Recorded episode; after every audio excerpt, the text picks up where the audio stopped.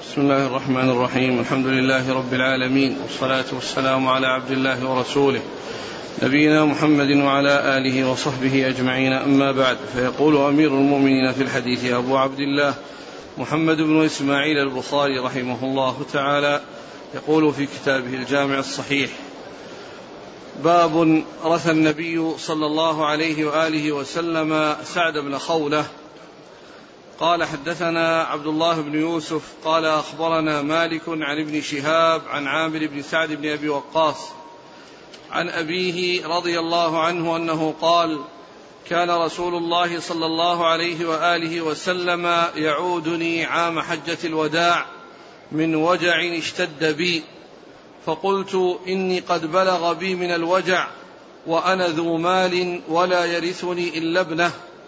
أفأتصدق بثلثي مالي؟ قال لا. فقلت بالشطر؟ فقال لا. ثم قال الثلث والثلث كبير أو كثير. إنك أن تذر ورثتك أغنياء خير من أن تذرهم عالة يتكففون الناس. وإنك لن تنفق نفقة تبتغي بها وجه الله إلا أجرت بها حتى ما تجعل في في امرأتك. فقلت يا رسول الله أخلف بعد أصحابي. قال إنك لن تخلف فتعمل عملا صالحا إلا ازددت به درجة ورفعة ثم لعلك أن تخلف حتى ينتفع بك أقوام ويضر بك آخرون. اللهم أمض لأصحابي هجرتهم ولا تردهم على أعقابهم لكن البائس سعد بن خولة يرثي له رسول الله صلى الله عليه وسلم أن مات بمكة. بسم الله الرحمن الرحيم الحمد لله رب العالمين وصلى الله وسلم وبارك على عبده ورسوله نبينا محمد وعلى آله وأصحابه أجمعين. ما بعد يقول الإمام البخاري رحمه الله باب رث النبي صلى الله عليه وسلم سعد بن خوله يعني هذه الترجمة جاءت في هذا الموضع أو هذا في هذه المواضع المتعلقة بالبكاء على الميت والحزن عليه وأن ذلك سائغ وأن الذي لا يجوز هو النياحة وما يتعلق بها أو ما يتصل بها من الأفعال المحرمة.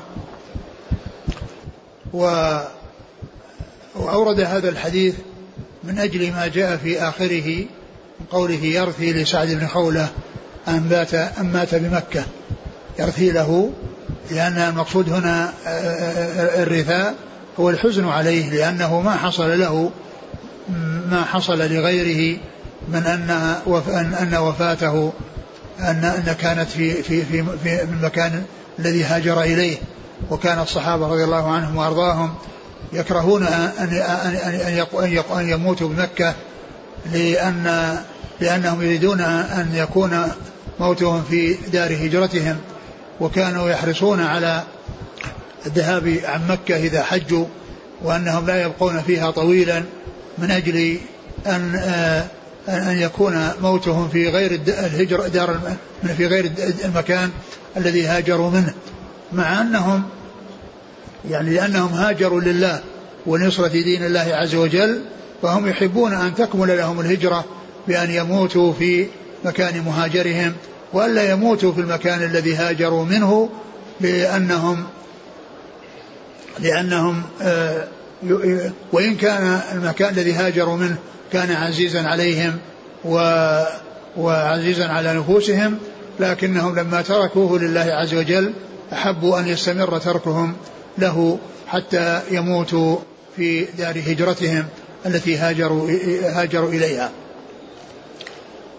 والرثاء يكون يعني مدحا ويكون حزنا. وهذا ليس من هذا القبيل لأن لأن المقصود الحزن على أنه حصل له ذلك الشيء ولم يتم له أن مات في دار هجرته. وأما الرثاء المطلق الذي يتعدى بنفسه فإنه يراد به المدح والثناء وأنه يثنى عليه.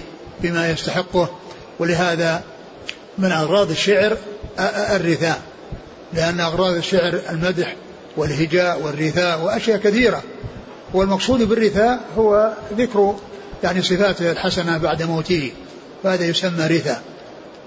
وأما يعني فيما يتعلق بالحزن فهذا يتعدى باللام يعني يرثي له يعني يحزن عليه أو يحزن له أم كان لم يحصل له هذا الشيء الذي أراده والشيء الذي قصده من الهجرة من مكان آه، أوذي فيه إلى مكان آه، تركه ترك ذلك المكان الذي أوذي فيه من أجل الله فهو يحب أن تتم له آه، هجرته. و وأورد حديث سعد بن أبي وقاص رضي الله عنه في هذا وهو أن النبي صلى الله عليه وسلم كان لما مرض سعد بن أبي وقاص يعني في في مكة في في الحج أو بعد الحج. وكان يعني الرسول صلى الله عليه وسلم يعوده كان عليه الصلاة والسلام يعوده يعني يعود المريض. و فسأل النبي صلى الله عليه وسلم وقال إني ذو مال وأنه لا يرثني إلا ابنه فهل أتصدق بثلثي مالي؟ قال لا. قال الشطر؟ قال لا. ثم قال عليه الصلاة والسلام الثلث والثلث كثير. أو كبير. يعني أن الإنسان عندما يكون يخلف مالا فإنه يتصدق بثلثه وهذا أعلى أعلى تقدير. وإن خفض من الثلث إلى الربع أو إلى الخمس فإن ذلك حسن. و ولهذا قال ابن عباس لو أن الناس غضوا من الثلث إلى الخمس آه لكان أولى لأن النبي صلى الله عليه وسلم قال الثلث والثلث كثير. فاستأذن النبي صلى الله عليه وسلم أن يوصي يعني بثلثي ماله فالرسول صلى الله عليه وسلم منع من ذلك ثم قال النصف فمنع من ذلك ثم قال الثلث والثلث كثير ثم قال الثلث والثلث كثير ثم إنه آه، إيش قال الحديث؟ إنك أن تذر ورثتك أغنياء خير من أن تذرهم عالة يتكففون الناس. يعني بين له عليه الصلاة والسلام أن كونه يوصي بالثلث فأقل آه، وأنه لا يوصي بما كان أكثر من الثلث لأن كون الإنسان يترك ورثته أغنياء خير من أن يذرهم عالة يتكففون الناس. يعني كون يعني كون والدهم يخلف لهم مالا يقتاتونه ويستغنون به عن الناس. خير من أن يخرج الإنسان ماله ويصرفه ثم يأتي ثم يترك ولدته ولده بعد ذلك. ليس عندهم شيء ما يقتاتون به ويستغنون به عن الناس فيحتاجون إلى أن يمدوا أكفهم للناس بأن يسألوهم. يتكففون الناس يعني يسألونهم مادين أكفهم لهم. يطلبون منهم المساعدة وإعطائهم شيء يأكلونه. قال عليه الصلاة والسلام إنك أن تذر أغنياء يعني تخلف لهم مالا يكونون به أغنياء يصنعون عن الناس خير من أن تدعهم أن تذرهم عالة. عالة يعني فقراء. يتكففون الناس يسألون الناس بأكفهم. يسألونهم. ويطلبون منهم المساعدة. ويطلبون منهم شيء يأكلونه. وهذا هو الذي السبب الذي بين فيه الرسول عليه الصلاة والسلام أن الإنسان لا يوصي بالشيء الكثير لا النصف ولا ما فوق النصف وإنما يوصي بالثلث والثلث كثير. يعني معناه لو غض منه ولو نقص منه لكان ذلك أنسب كما قال ابن عباس رضي الله تعالى عنه. إنك أن تذر أغنياء. يعني كونك ترك تترك ورثتك أغنياء خير من أن تتركهم عادة يتكففون الناس. نعم.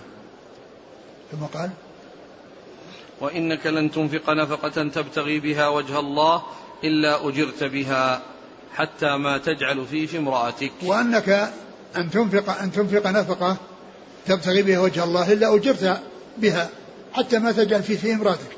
يعني المال إذا كان عندك وتصدقت به على الناس وأحسنت إلى الناس فإن فإن كل ما تنفقه في سبيل الله وكل ما تعطيه لمن هو محتاج إليه فإن ذلك زيادة في أجرك وزيادة في ثوابك حتى ما تجعل فيه في امرأتك يعني أن الإنسان إذا أدى أتى بالواجب الذي يجب عليه وهو يريد وجه الله فإنه يكون بذلك مأجورا وإن كان يؤدي واجبا وإن كان يؤدي واجبا لأن كل ما ينفقه وكل ما يدفعه في مما هو واجب عليه أو غير واجب عليه إذا احتسب الأجر والثواب عند الله فإن الله تعالى يثيبه على ذلك ويأجره على ذلك حتى ما ينفقه الإنسان على أهله مع أنه واجب عليه.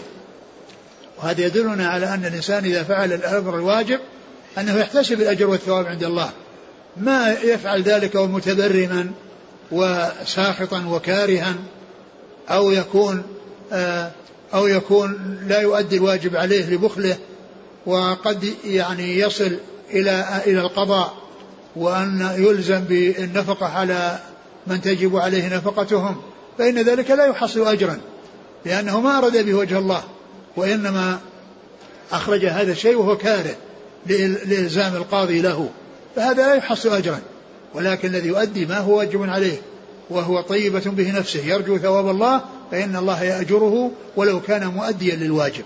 أما إذا كان مستحبا ويتصدق وينفق يعني يعني في غير الأشياء الواجبة وإنما في الأمور المستحبة هذا مأجور على إحسانه والحاصل أن الإنسان إذا أنفق يعني الخير وأداء ووضعه في في في في موضعه سواء كان واجبا عليه أو مستحبا فإنه مأجور على كل حال. نعم.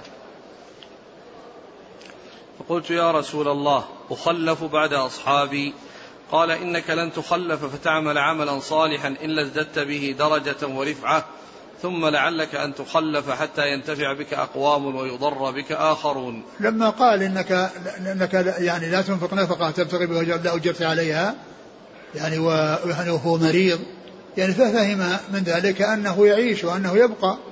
فقال أخلف بعد أصحابي يعني أخلف بعد أصحابي. فقال إنك لن تخلف إنك لن تخلف ف إنك لن تخلف فتعمل عملا صالحا إلا ازددت به درجة ورفعة. لن تتخلف. لن لن لن لن تخلف يعني لن يعني يكون لك نصيب في الحياة وأن تعيش يعني في, في المستقبل فإن ذلك زيادة في العمر. وكل وإذا طال عمر الإنسان واستعمله في طاعة الله فهو خير له. خيركم من طال عمره وحسن عمله. فكون الإنسان يعني يطول حياته تطول حياته وهو على خير وعلى طاعة وعلى يعني قيام بالواجبات والمستحبات والتقرب إلى الله عز وجل في الطاعات فإن ذلك زيادة في حسناته زيادة في ثوابه وزيادة في أجوره. إنك لن لن تخلف فتعمل عملا. صالحا آه، تبتغي به وجه الله إلا ازددت به درجة ورفعة. إلا ازددت به درجة ورفعة. نعم. ثم لعلك أن تخلف فينتفع بك أقوام ويضر بك آخرون. ثم لعلك تخلف يعني تعيش فينتفع بك أقوام ويضر بك آخرون. وقد حصل ذلك رضي الله عنه فإنه مد في حياته وجاهد وتولى يعني رئاسة بعض الجيوش وأبلى بلاء حسنا رضي الله تعالى عنه وأرضاه. اللهم أمض لأصحابي هجرتهم ولا تردهم على عقابهم. اللهم أمض لأصحاب هجرتهم. يعني هم هاجروا من مكة إلى المدينة يريدون وجه الله والدار الآخرة ويريدون الأجر والثواب من الله ويريدون نصرة الرسول صلى الله عليه وسلم والجهاد في سبيل الله معه وبتوجيهه وإرشاده عليه الصلاة والسلام. فسأل الله عز وجل أن يمضي لهم هجرتهم. ولهذا كانوا يكرهون أن يبقوا في مكة بعد الحج وأنهم لا يبقون أكثر من ثلاثة أيام. كل ذلك رغبة منهم أن يعني يموتوا في غير دار في غير المكان الذي هاجروا منه. اللهم أمضي لأصحاب هجرتهم ولا تردهم على أعقابهم. يعني يعني يحصلهم يعني شيء لا تحمد عاقبته وإنما آه، آه، يحصل لهم ما أرادوه من الهجرة والنصرة. لرسول الله صلى الله عليه وسلم.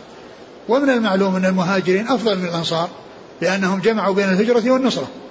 وأما الأنصار فعندهم النصرة فقط. فمن جمع بين الهجرة والنصرة أفضل ممن عنده النصرة فقط. ولهذا قال الله عز وجل للفقراء المهاجرين يخرجوا من ديارهم وأموالهم يبتغون فضلا من الله ورضوانا وينصرون الله ورسوله. يعني جمعوا بين الهجرة والنصرة. ذكر صفاتهم في الأول الهجرة وختمها بالنصرة. لكن البائس سعد بن خولة يرثي له رسول الله صلى الله عليه وسلم أن مات بمكة. لكن البائس يعني الذي ما تم له أن مات بدار هجرته التي هاجر إليها وأن مات بالبلد الذي هاجر منه سعد بن خولة. قال يرثي له يعني يحزن على أنه حصل له يعني هذا الشيء ولم يحصل له أن تتم له هجرته وأن يموت في دار آه، مهاجره. ومعلوم أن هذا ليس منه وإنما هو من الله عز وجل هو الذي يعني يقبض الأرواح في أي مكان. لكن من تم له آآ آه، آآ آه، تمت له هجرته ومات في مكان مهاجره لا شك أن هذا شيء محمود. ولهذا سأله النبي صلى الله عليه وسلم لأصحابه ورثى لسعد بن حولة أن مات في, في, في, البلد الذي هاجر منه. وهذا محل الشاهد منه يرثي له وهذا كلمة يرثي له قاله بعض الرواة يعني رواة الحديث. يعني كون لما قال البائس سعد بن حولة يعني يرثي له بهذا الكلام ويحزن أنه حصل له يعني ذلك آه، أنه لم تتم آه، يعني لم تتم يعني لم يتم وفاته في دار هجرته وإنما حصل ذلك في المكان الذي هاجر منه. وهذا هو محل الشاهد من إيراد الحديث في هذه الترجمة وإيراده في أبواب الحزن والبكاء على الميت والنياحة وأن المقصود من ذلك يعني أن أن أن الرثا المعدى باللام يعني معناه الحزن عليه. نعم. قال حدثنا عبد الله بن يوسف. قيل إن هذا الذي قال هذا هو الزهري الذي قال يرثي له والذي عبر بيرثي له وفسر قوله البائس بن خولة يرثي له يعني أن مات يعني بمكة قيل إنه هو الزهري. نعم. قال حدثنا عبد الله بن يوسف التنيسي. عن مالك عن ابن شهاب نعم. عن عامر بن سعد بن أبي وقاص عن أبيه. نعم. يقول السائل كيف الجمع بين هذا الحديث وحديث أبي بكر رضي الله عنه في تصدقه بجميع ماله؟ معلوم أن الرسول عليه الصلاة والسلام يعني حث على الصدقة و وقد تصدق بكامل ماله وعمر رضي الله عنه تصدق بما عنده. لكن معلوم أنه لم لم يحصل منه كل شيء لأن لأن بيته الذي هو فيه ما صدق به وإنما صدق بالذي عنده من المال. الذي صدق بشيء عنده من المال وفعل ذلك لقوة يقينه ولكونه خير الصحابة ولهذا تميز على غيره بأنه أفضل الصحابة. و وأما عمر رضي الله عنه فإنه أتى بنصف ماله يعني بالنصف الذي الذي موجود بحوزته. أما الأموال الأخرى التي يعني فيها يعني بساتين وبيوت وما إلى ذلك فهي باقية وإنما أخرجوا ما عندهم من المال أو من الشيء الذي يعني المنقول يعني كالنقود أو الأشياء التي يحتاج إليها. أما كامل ماله والشيء الأشياء الثابتة يعني من المساكن ومن المزارع يعني فإنها باقية يعني على ما هي عليه. فلم يخرج منهم أن خرجوا من كل شيء ولكن خرجوا بالشيء الذي يعني بحوزتهم من, من, من, من الأشياء المنقولة أو الأشياء التي يستفيد منها الناس. فلا تنافي بين هذا وهذا. الرسول صلى الله عليه وسلم حث على الصدقة والناس كما هو شأنهم يعني يتنافسون بالخير ولهذا آه الذي آه الذي يعني يسبق إلى الخير ويكون قدوة فيه يكون له مثل مثل أجر, أجور كل من من تبعه واستنى بسنته. ولهذا الرسول صلى الله عليه وسلم جاء في الحديث في صحيح مسلم من سن في الإسلام سنة حسنة فله أجرها وأجر من عمل بها من بعده.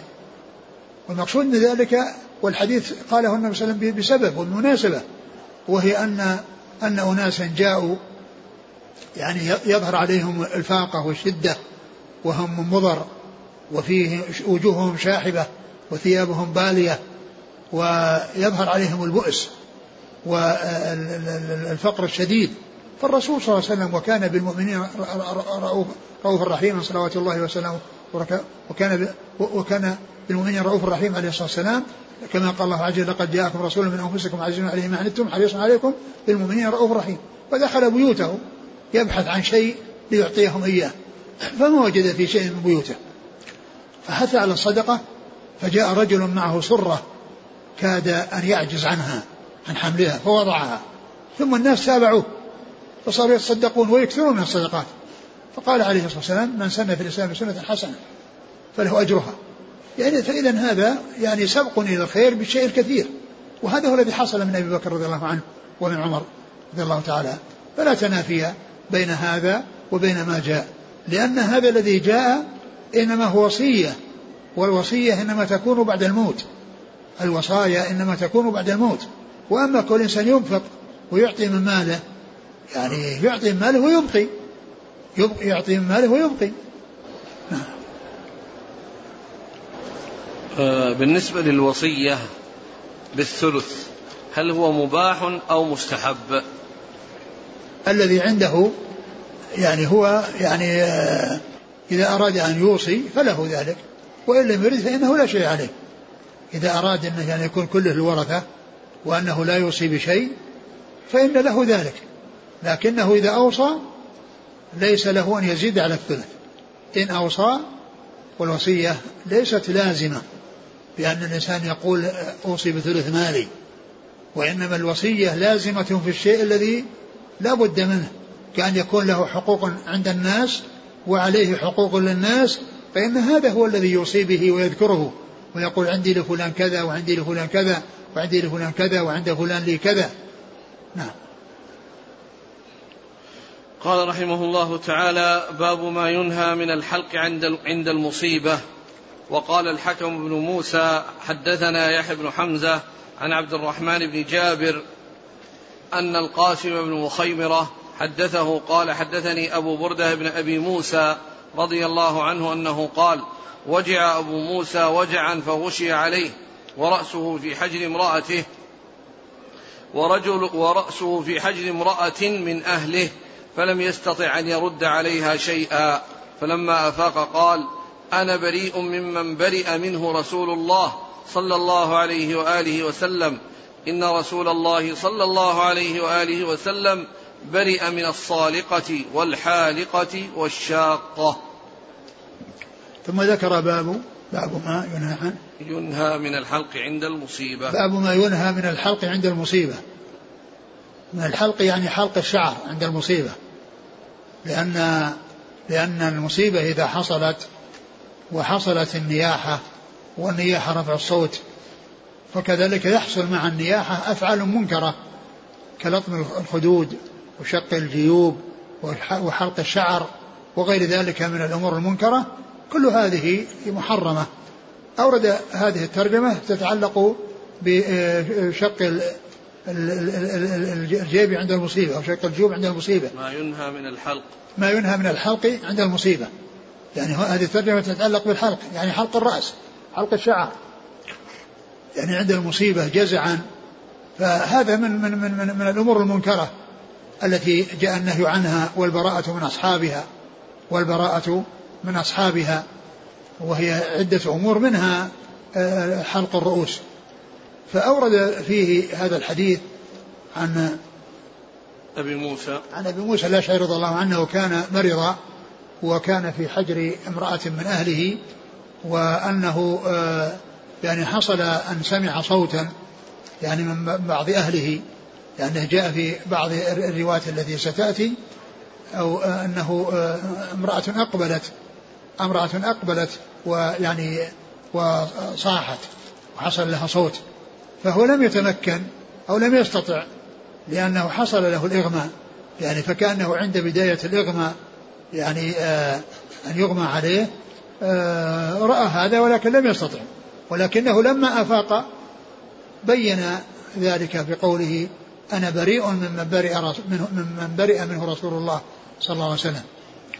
أنه خصوصا برئ من الحالقة. قال برئ النبي برئ من الصالقة والحالقة والشاقة. برئ من الصالقة والحالقة والشاقة. يعني هذا مشتمل على ثلاث أمور. من الأمور المنكرة عند المصيبة وهي الصالقة التي ترفع صوتها عند المصيبة. الصالقة ترفع صوتها عند المصيبة نياحة وصياح. والحالقة التي تحلق رأسها عند المصيبة والشاقة تشق ثوبها عند المصيبة. وهنا أورده من أجل يعني الحلق. يعني و يعني لأنه مشتمل على جمل ثلاث وهو أورده من أجل الجملة الوسطى التي هي الحالقة وقوله بريء من الصادقة وبريء هذا سبق أن مر قريبا أن المقصود من ذلك أن هذا من الكبائر وأنه من المنكرات وأن المقصود من ذلك أن الرسول صلى الله عليه وسلم أنه يعني برئ منه يعني من فعله وأن هذا ليس من يعني في مرة ليس منا من ضرب الخدود وشق الجوب ودعا بدعوى الجاهلية يعني أن ذلك آآ آه، آآ آه، آآ من حصل منه فإن البراءة حاصلة لكنها ليست خروجا من الدين وليست دخولا في الكفر وإنما هو أمر منكر من الكبائر التي هي من من من جاء النهي عنها لكن ليس معنى ذلك أنه يكون كافرا بذلك. لأن كثيرا من المعاصي يعني آه، وهي كثيرة ومتفاوتة مثل الزنا والسرقة وغير ذلك كلها من الكبائر لكنها لا تخرج الإنسان من الإسلام إذا فعلها يعني وهو يعني يعلم وهو يعني آه، آه، عاصيا لله عز وجل. أما إذا استحلها استحل أمرا معلوما من دين الإسلام بالضرورة فإن ذلك يكفر بالاستحلال أنا بريء قال إيش من الصالقة نعم. والحالقة والشاقة نعم. نعم. قال هذه, هذه أفعال أما الأول فإنه قول الأول قول وهو رفع الصوت فعل ومع قول لأن الصياح يعني هذا من الأفعال المحرمة وإذا يعني جاء في ذلك كلام سيء ك يعني دعاء بالويل والثبور ودعاء بدعوى الجاهلية فإن هذا يعني يكون قول وفعل كل منهما قبيح. قال وقال الحكم بن موسى. آه، هو القنطري. المعلق هنا. نعم هو معلق. ويعني وهو ليس من شيوخ البخاري. ليس من شيوخ البخاري وقد أدركه ولكنه ما روى عنه. نعم. إيش قال في من وصله؟ قال وقع في رواية أبي الوقت حدثنا الحكم وهو وهم. نعم. فإن الذين جمعوا رجال البخاري في صحيح أطبقوا على ترك ذكره في شيوخه فدل على أن الصواب رواية الجماعة بصيغة التعليق. وقد وصله مسلم في صحيح فقال حدثنا الحكم بن موسى نعم. وكذا ابن حبان. فقال أخبرنا أبو يعلى قال حدثنا الحكم. يعني البخاري البخاري ما وصله ما يعني ما وصله وإنما جاء موصولا عند مسلم. والبخاري ليس من شيوخه لأن كما قال الحافظ اللي جمعوا شيوخه ليس منهم هذا. أما مسلم فإنه من شيوخه لأنه قال حدثنا فلان. عن يحيى بن حمزة عن عبد الرحمن بن جابر. بن يزيد بن جابر. نسب إلى جده. ها؟ نسب نعم إلى نعم جده. نعم نعم. عن القاسم بن مخيمرة. نعم. عن أبي بردة بن أبي موسى نعم. عن أبيه. يقول عندنا في البلد إذا حصل مصيبة يلبس أقرباء الميت زيا خاصا حتى يعرف بين الناس. هل هذا جائز؟ ليس بجائز. هذا ليس بجائز. ما فعله الرسول صلى الله عليه وسلم ولا أصحابه ولا أرشد إليه. وإنما يكون الإنسان في حال المصيبة على هيئته التي هو عليها. لا يأتي بشيء جديد من أجل الموت في لباسه وكذلك لا يأتون بشيء في بناء سرادقات أو عمل أشياء يعني بهذه المناسبة تلفت الأنظار وإنما يبقون على ما هم عليه. بعض الناس يستعملون السواد. هذا كله من الأمور المنكرة. سواء سواد أو غير سواد. المهم أن يكون شيء مخصص لهذه المناسبات هذا غير سائغ هل ينهى عن الحلق فترة موت القريب أم أن الحلق مقيد بما إذا كان عن جزع طيب، هو إذا كان إذا كان الموت إذا كان الحلق هذا يعني المقصود به يعني الجزع والمصيبة يعني لا شك. وأيضا يعني في الفترة التي يكون هذا ما ينبغي ما ينبغي أن يكون حلق الرأس لأنه قد يفهم أو قد يتهم الشخص يخلي حلق الرأس يكون في يؤخره لا يجعله عند المصيبة.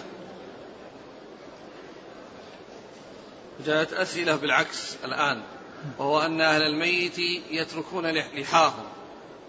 يتركون؟ لحاهم إظهارا للحزن. لا يجب أن يتركوها دائما وأبدا. ما هو بس عند المصيبة. لا هو عند المصيبة. نعم. قال رحمه الله تعالى باب ليس منا من ضرب الخدود. قال حدثنا محمد بن بشار قال حدثنا عبد الرحمن قال حدثنا سفيان عن الأعمش عن عبد الله بن مرة عن, عن مسروق عن عبد الله رضي الله عنه عن النبي صلى الله عليه وآله وسلم أنه قال ليس منا من ضرب الخدود وشق الجيوب ودعا بدعوى الجاهلية. ثم ذكر باب ليس منا من ضرب الخدود. من ضرب الخدود. البخاري رحمه الله يعني يأتي بالحديث المشتمل على جمل يأتي به آه، للاستدلال على آه، مسألة من المسائل ويكرره من أجل الاستدلال كما كما هو شأنه. فهنا في الأول جاب آه، يعني يعني شق الجوب وجاء حديث أبي موسى. وهنا أتى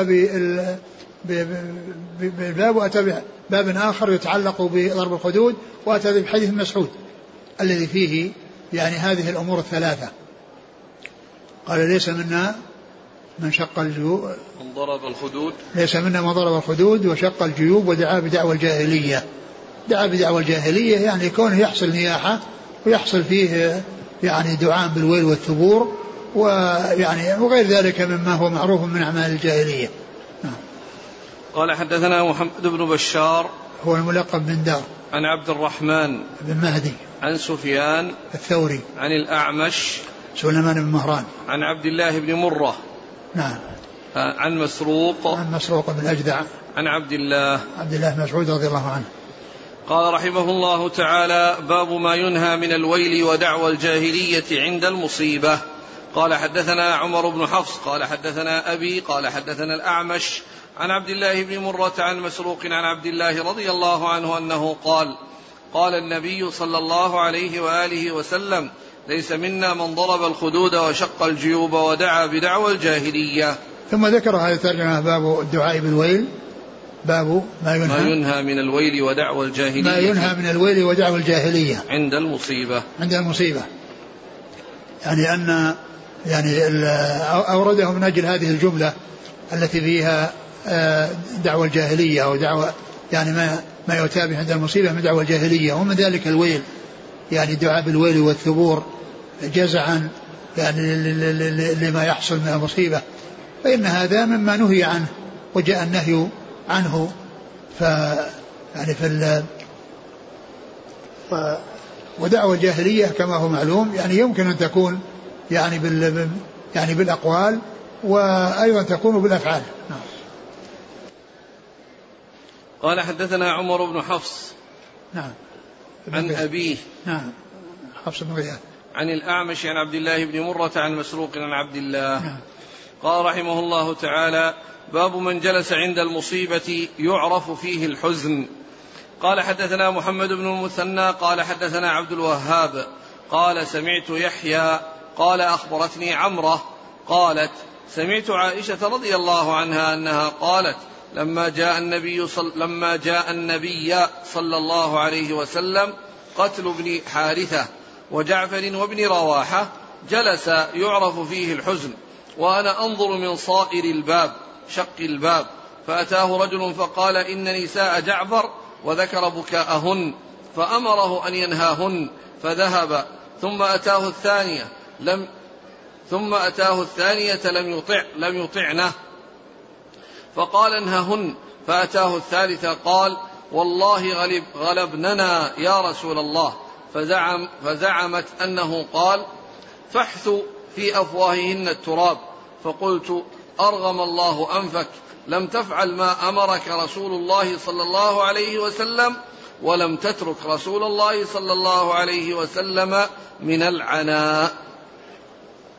ثم قال باب من جلس يعرف عند المصيبة. باب من جلس عند المصيبة يعرف فيه الحزن.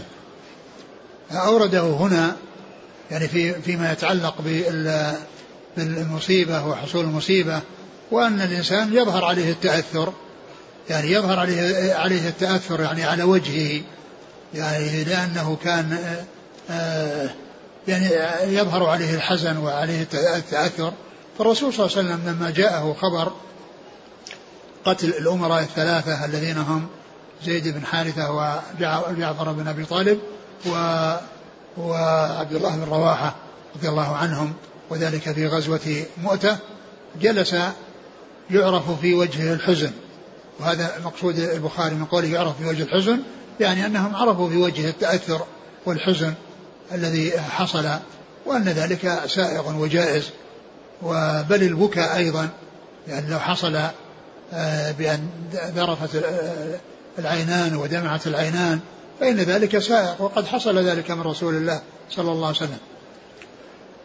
وعائشة رضي الله عنها في داخل حجرتها والرسول صلى الله عليه وسلم كان في المسجد وقد جاء ذلك مبينا في سنن أبي داود قال جلس في المسجد وهي تنظر من صائر الباب يعني جانب الباب الذي يعني يكون بين الجدار وبين الباب لأنه يكون فيه شقوق ويكون فيه فتحات فكانت تنظر والرسول صلى الله عليه وسلم جالس في المسجد فإذا جلوس النبي صلى الله عليه وسلم إنما هو في المسجد وهي في حجرتها تنظر من شق الباب الذي جاء تفسيره الصائر بأنه هو الشق الشق الذي يكون يعني آه، بين الخشب إذا كان بابه من الخشب والجدار الذي يعني والجدار. فكانت تنظر فجاء رجل جاء رجل وقال يا رسول الله إن النساء يعني آه، نساء جعفر يبكين. والمقصود من ذلك البكاء الذي لا يسوق. وأما البكاء مجرد البكاء قدام العين هذا لا يمنع منه. فقال انهاهن اذهب فانهاهن. فذهب وقال إنهن يعني ما ما حصل تركهن ذلك الشيء الذي نهاهن ولكن ما فعلنا. فقال اذهب فانهاهن فذهب ونهاهن.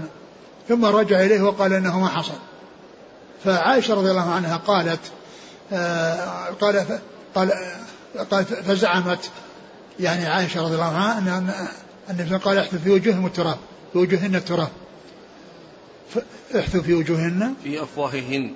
في أفواههن في أفواههن التراب. ف فرجع وقال وقالت آه، يعني دعت عليه وقالت آه، إيش؟ أرغم الله أنفك. أرغم الله أنفك. يعني هذا الرجل الذي يتردد على الرسول صلى الله عليه وسلم وبينه وبينه.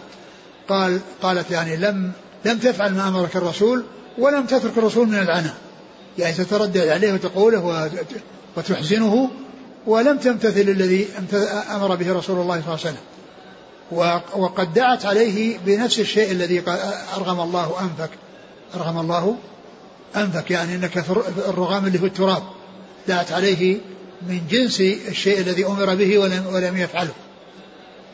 فأرغم الله أنفك. آه لم تترك لم آه لم تفعل كما فعل ما فعله الرسول صلى الله عليه وسلم ما أمر به صلى الله عليه وسلم ولم تترك رسولا من العناء. يعني كونه يزيده حزنا ويزيده ألما كون يتردد عليه يقول حصل منهن كذا وكذا حصل منهن كذا ولم يمتثل ما أمر به رسول الله. صلى الله عليه وسلم. قالت فزعم فزعمت وكلمة زعمت يعني المقصود بها الخبر المحقق. وهذا قول وهذا قول عمرة الذي ترويه عن عائشة. لأن التعبير بقوله زعمت يعني هذا قول عمرة والتي زعمت هي عائشة رضي الله عنها. والتي زعمت عائشة رضي الله عنها ثم قالت دعت عليه وقالت وقالت ما قالت. نعم أعد الحديث. عن عائشة رضي الله عنها قالت لما جاء النبي صلى الله عليه وسلم قتل ابن حارثة وجعفر وابن رواحة جلس يعرف فيه الحزن. نعم يعرف على وجه الحزن. معلوم يعني أن الرسول صلى الله عليه وسلم كان متاثرا وحزنا و, و وقد قال ان إن القلب يحزن والعين تدمع في موت إبراهيم والآن أقول لما يرضي ربنا وإنا لفرقك يا إبراهيم محزونون آه، هنا لما جاء النبي صلى الله عليه وسلم قتل يعني خبر. يعني خبر قتل. جلس يعرف فيه الحزن. جلس جلس في المسجد. أقول جلس في المسجد يعرف فيه الحزن. تقدم أنه كان على المنبر يخطب. نعم هو هو أخبرهم وبعد ذلك جلس. يعني هذا يجمع بينهما بأنه كان يخطب وبعد ذلك جلس. وكان جلوسا في المسجد وهي تنظر من الصائر. نعم. قالت وأنا أنظر من صائر الباب شق الباب. تفسير. شق الباب تفسير الصائر. فأتاه رجل فقال إن نساء جعفر وذكر بكاءهن فأمره أن ينهاهن. فذهب ثم أتاه الثانية لم يطعنه. فقال انههن. يعني يخبر بأنه لم يطعنه بقين يبكين. فقال انههن. يعني يعني أمره بأن ينهاهن نعم. فأتاه الثالثة قال والله غلبننا يا رسول الله. يعني غلبننا يعني ما حصل منهن السكوت وإنما بقينا على البكاء. نعم.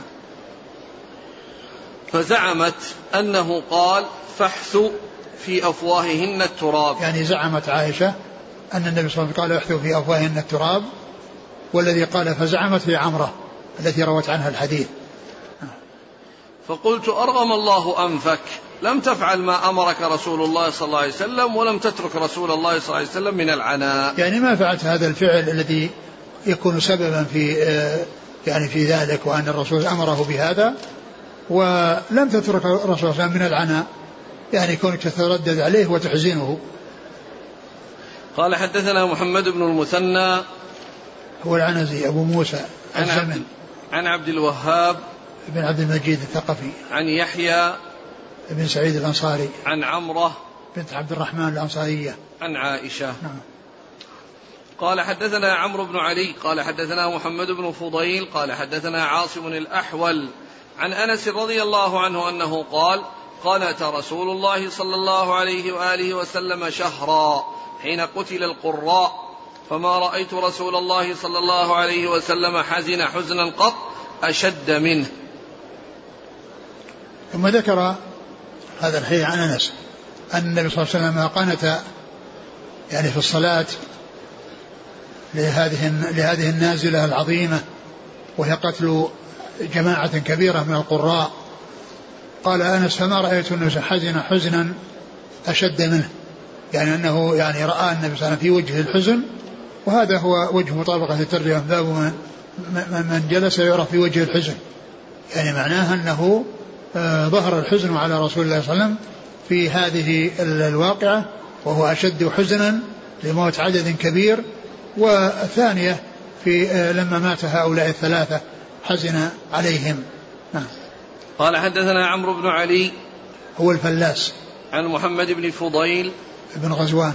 عن عاصم الأحول. نعم. عن أنس. نعم. قال رحمه الله تعالى باب من لم يظهر حزنه عند المصيبة. وقال محمد بن كعب القرظي الجزع القول السيء والظن السيء. وقال يعقوب عليه الصلاة والسلام إنما أشكو بثي وحزني إلى الله. قال حدثنا بشر بن الحكم قال حدثنا سفيان بن عيينة قال أخبرنا إسحاق بن عبد الله بن أبي طلحة أنه سمع أنس بن مالك رضي الله عنه يقول اشتكى ابن لأبي طلحة قال فمات وأبو طلحة خارج فلما رأت امرأته أنه قد مات هيأت شيئا ونحته في جانب البيت. فلما جاء أبو طلحة قال كيف الغلام؟ قالت قد هدأت نفسه وأرجو أن يكون قد استراح وظن أبو طلحة أنها صادقة. قال فبات فلما أصبح اغتسل فلما أراد أن يخرج أعلمته أنه قد مات فصلى مع النبي صلى الله عليه وآله وسلم ثم أخبر النبي صلى الله عليه وآله وسلم بما كان منهما فقال رسول الله صلى الله عليه وآله وسلم لعل الله أن يبارك لكما في ليلتكما. قال سفيان فقال رجل من الأنصار فرأيت لهما تسعة أولاد كلهم قد قرأ القرآن.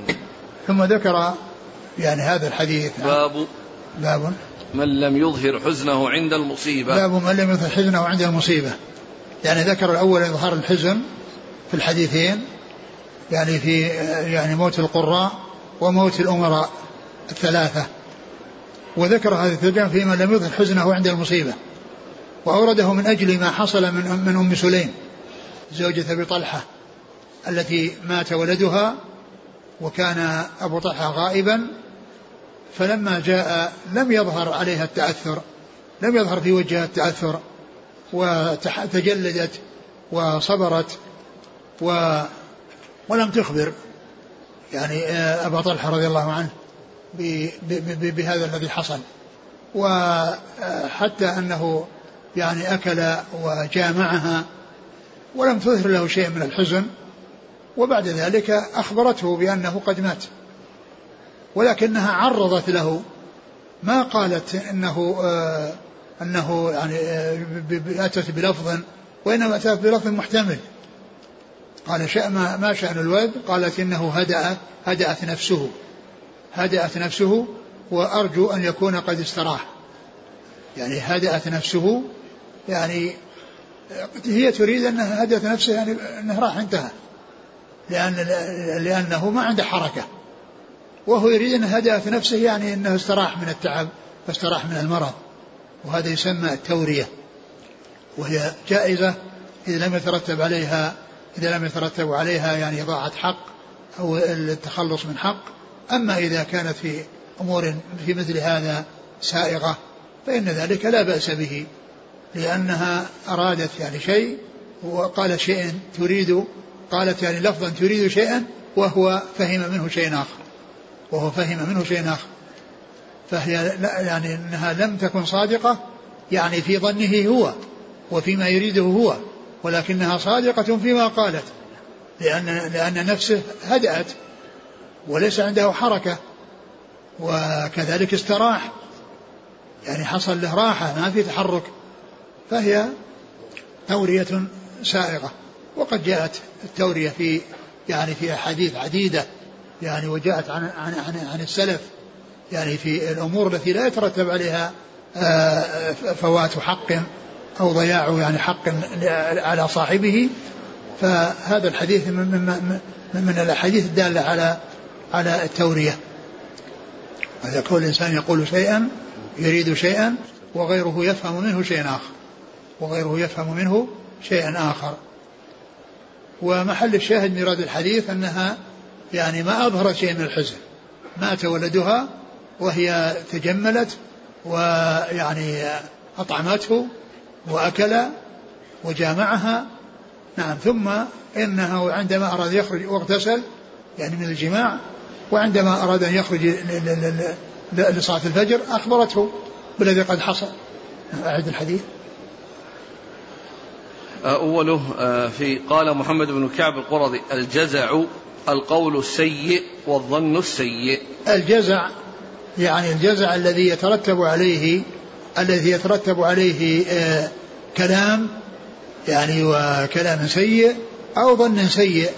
يعني يظن بالله ظن السوء أو يعني يتسخط على قضاء الله وقدره. نعم.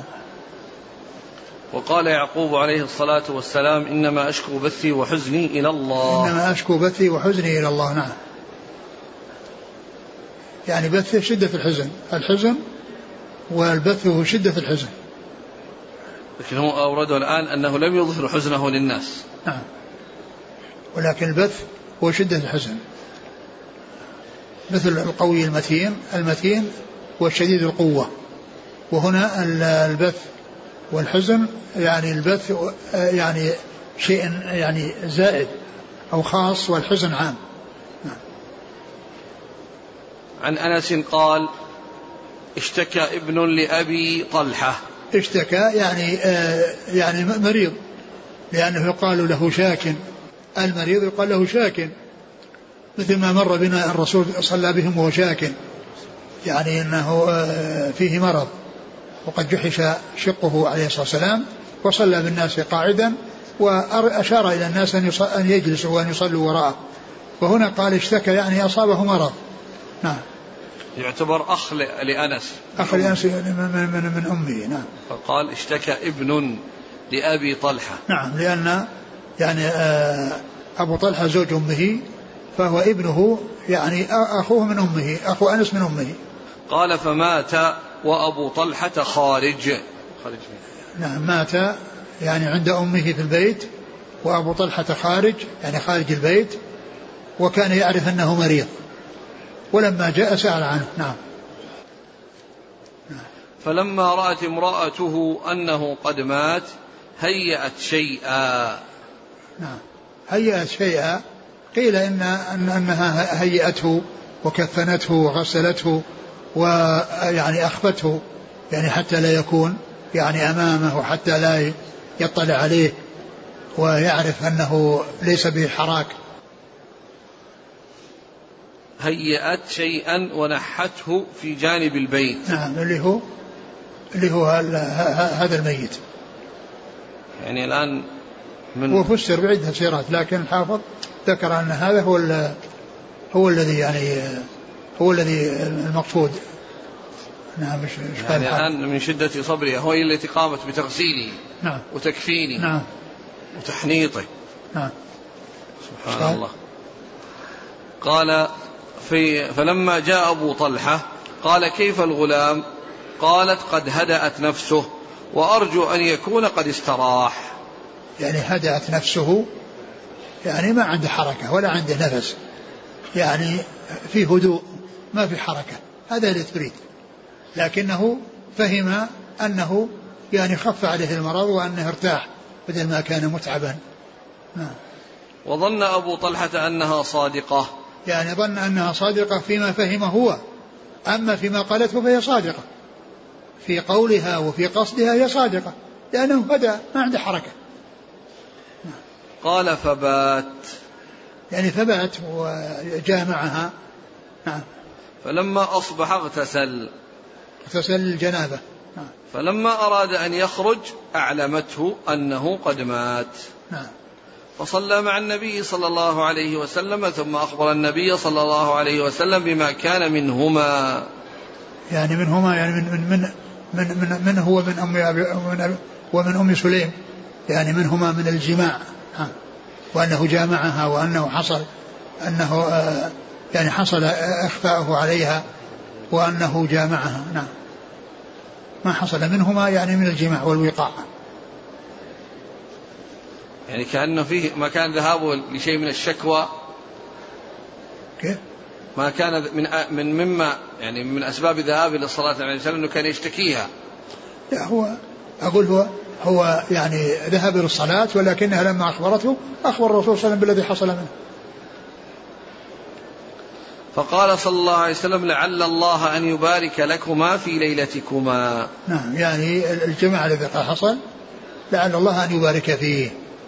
وقد حملت من هذا الجماع يعني ولدا ويعني صار له أولاد يعني يعني قرأوا القرآن يعني أهل صلاح. نعم. قال سفيان فقال رجل من الأنصار. نعم من هو؟ عباية بن رفاعة. نعم. قال فرأيت لهما تسعة أولاد كلهم قد قرأ القرآن.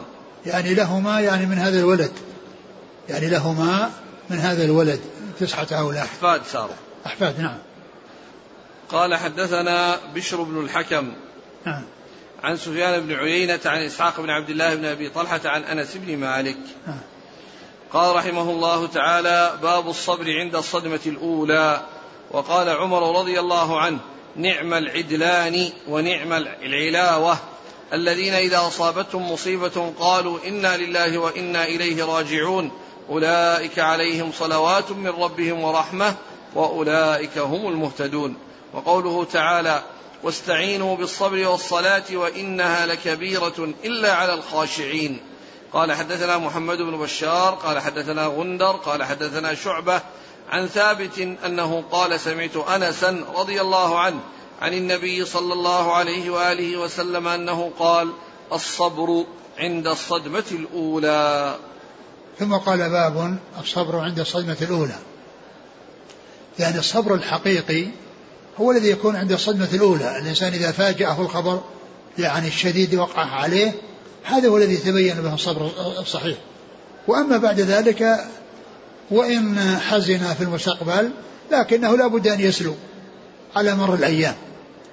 على مر الأيام لكن الصبر الحقيقي هو الذي عند الصدمة الأولى.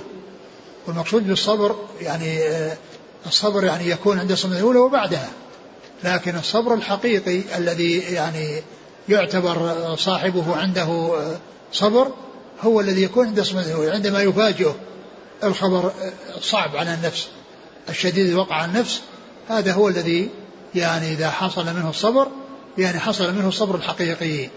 فإذا المقصود بالصبر يعني هنا الصبر الحقيقي. يعني ليس كل صبر ليس ليس كل ما يحصل من الصبر متساويا بل الصبر الذي هو أشد وأقوى وأمكن وله آه، يعني صاحبه يكون آه، صبورا ومتصفا بالصبر هو الذي يحصل عند الصدمة الأولى عند المفاجأة مفاجأة الخبر وقع على نفسه لأول وهلة. هذا هو الذي يتبين فيه آه، الصبر الحقيقي. و وهذا يعني من من المقصود به يعني الشدة يعني في في الشيء وأنه الصبر الذي هو الحقيقة هو حقيقة الصبر. مثل ما يقال الحج عرفة. يعني الحج هو يعني يعني أشده وأعظمه الوقوف بعرفة. مثل الدين النصيحة. والدين نصيحة وغير نصيحة. لكن لعظم شأن النصيحة فإنه كذلك الصبر عند الصدمة أي الصبر الحقيقي عند الصدمة الأولى. وكذلك الرسول ليس الشديد بالسرعة إنما الشديد الذي يملك نفسه عند الغضب. هذا هو الشديد.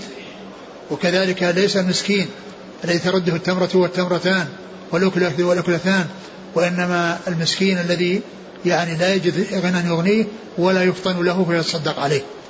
يعني يعني هذا هو المقصود من قوله الصبر الصبر عند يعني الصبر الحقيقي عند الصدمة الأولى.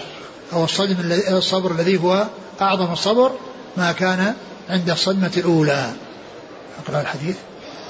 أوله الآثار قال عمر. نعم العدلان ونعم العلاوة. نعم العدلان ونعم العلاوة. يعني يقصد بذلك ما جاء في قول الله عز وجل وبشر الصابرين الذين إذا أصابتهم مصيبة قول عمر رضي الله عنه نعم العدلان ونعمة العلاوة. العدلان آه، يعني ما يحمل على البعير من من جانبيه لأن يعني الحملان يعني اللي من الجوانب هي متساوية. يعني يعني حتى يستقيم الركاب وألا يعني يحصل مياله إلى اليمين أو الشمال فهما متساويان يعني مثلان عدلان يعني شيئان متماثلان عن يمين البعير وعن شماله. حمله يعني مكون من قطعتين قطعة على يمينه وقطعة على شماله. والعلاوة يعني ما يضاف إلى ذلك يعني مما يعلق زيادة على الحملين العدلين يعني الحملين اللي من اليمين والشمال. وقد يكون يعني شيء يوضع بين الحملين من فوق كذلك قال له علاوة. يعني بكون الحمل من الجهة اليمين والجهة اليسار ثم يوضع بينهما شيء هذا يقال له علاوة.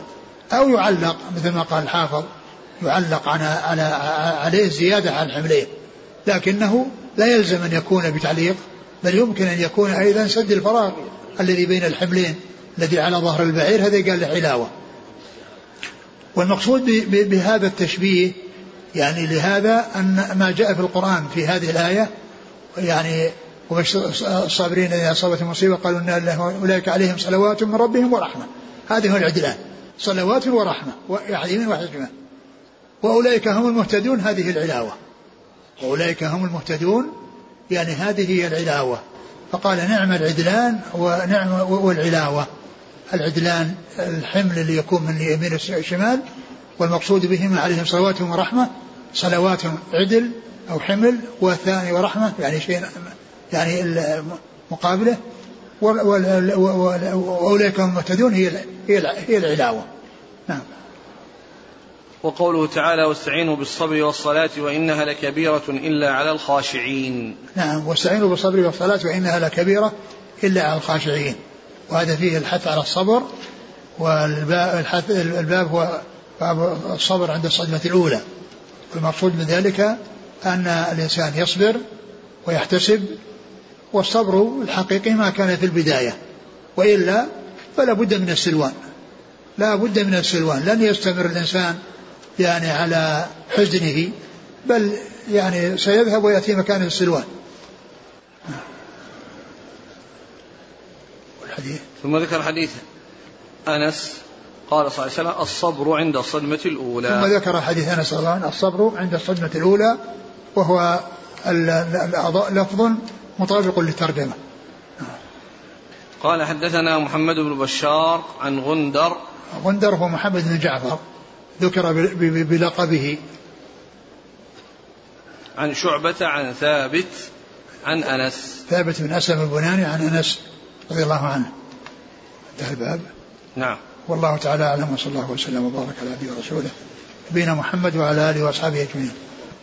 جزاكم الله خيرا وبارك الله فيكم ألهمكم الله الصواب وفقكم للحق شافاكم الله وعافاكم ونفعنا الله بما سمعنا غفر الله لنا ولكم وللمسلمين أجمعين آمين. يقول السائل أحسن الله إليكم هل يجوز كتابة القصائد في مدح الميت بعد موته؟ هل هذا من الرثاء الجائز؟ إذا كان الرثاء بحق وليس فيه غلو وليس فيه إطراء وليس فيه كذب فإن ذلك لا بأس به. يقول هل الأولى لطالب العلم أن يكتب وصية بثلث مكتبته لطلبة العلم أم يتركها لأولاده وأهله مع أنه لا يدري هل ينتفعون بها أم لم ينتفعوا؟ كونه يوصي بثلث بثلثها إذا عين إذا عين كتبا معينة يعني أو اختارها لأن تكون يعني تكون وقفا أو تكون يعني توضع في مكتبة معينة لا بأس. وإن وضعها كلها في مكتبة يعني إذا كان عنده أموال أخرى يعني غيرها فلا شك أن هذا هو الأولى. يعني كون الكتب كلها توضع لطلبة العلم ويستفيدون منها. يعني وإذا كان يعني ليس عنده مال أو كل ماله إنما هو هذه الكتب ف يعني إذا كان ورثته مستغنين عنها فكونهم يعني يجعلونها كلها وقفا وأن تكون كلها يعني آه، تجعل في مكتبة يستفاد منها وإن كانوا بحاجة يعني إلى المال وليس عنده شيء يقلبه فإنهم لهم الحق. يعني في آه، آه، الثلثين إذا لم يكن هناك يعني اتفاق منهم على تركها للميت بأن تكون كلها وقفا في مكتبة من المكتبات. يقول في بلدنا يوزع أهل الميت طعاما لأهل الحي. صدقة طلبا للثواب للميت فهل هذا جائز؟ هذه المناسبة كونهم يوزعون طعام ليس ليس لهم أن يوزعوا طعام بل جاءهم ما يشغلهم كما يعني كما يعني جاء أنه يصنع يصنع لهم طعام أو لأهل الميت يعني جاءهم شيء يشغلهم كون جيرانهم وبعض أقربائهم يجيبون لهم طعام يأكلونه لأنه جاءتهم مصيبة تشغلهم عن أن يطبخوا فإن هذا هو الذي جاءت به السنة. أما كونهم يتعبون أنفسهم بالطبخ ويزعون طعام للناس هذا هذا ليس بجيد وغير سائغ وقد يكون هذا يعني آه، مما يجعل الناس يتحرون مثل هذه المناسبات من أجل يأتيهم يعني شيء من الطعام. يعني تكون مناسبة فرح. لما تكون مصيبة يعني الناس يوزع عليهم طعام. كل ما مات ميت يوزعون عليهم طعام. يقول هل يجوز كتابة ما شاء الله على الطاقية؟ لا لا لا يصل لأن هذا فيه امتهان امتهان لذكر الله عز وجل. لا يجوز. جزاكم الله خيرا. سبحانك اللهم وبحمدك نشهد أن لا إله إلا أنت نستغفرك ونتوب